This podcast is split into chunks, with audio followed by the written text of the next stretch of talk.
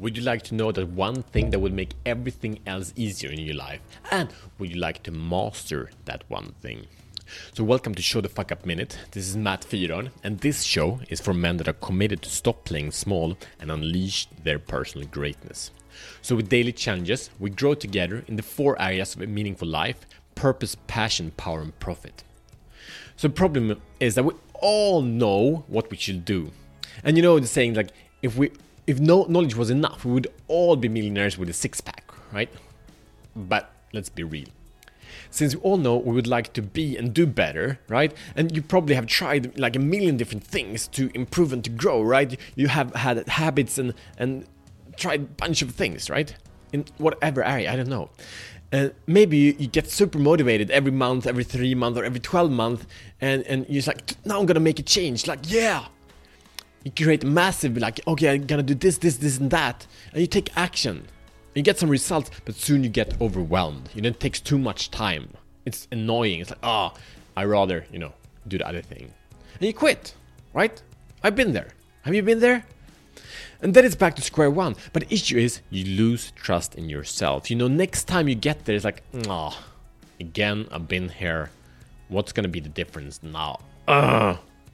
right so what's the solution? How can you get this to actually figure out the thing, the habit that actually makes things stick? So master this over a decade, over two decades, three decades. Could you imagine the power, the compound effect it would have if you would have that habit figured out, right?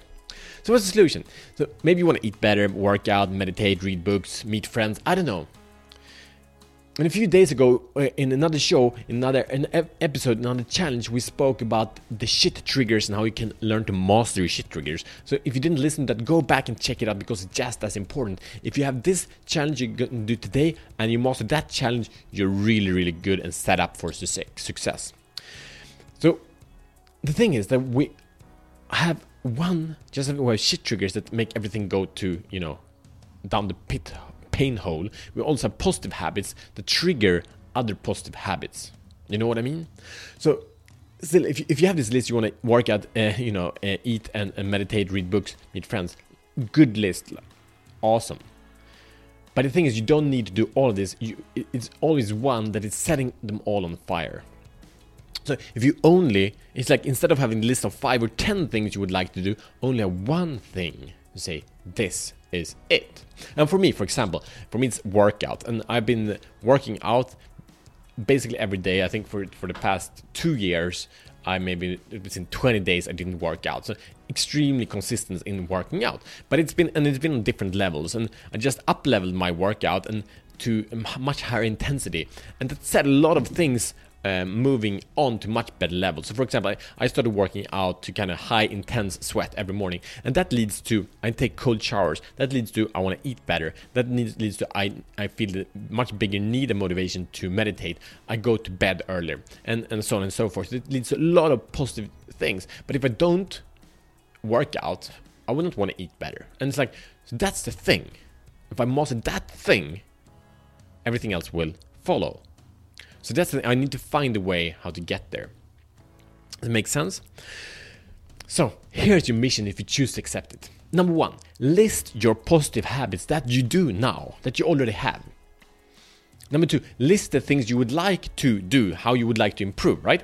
Number three, circle the one, two, or three things that would get everything else going that you believe.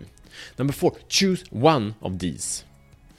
Five, identify what is the MED, minimal effective dose? This is so powerful. So I said, I'm, I'm doing the workout, but I do not need a, an hour workout. If I have 15 minutes of high intensity workout where I get my pulse up and I get sweating, that's enough for me to to get these all other positive habits. But if I do, you know, if I do 100 squats, that is not enough.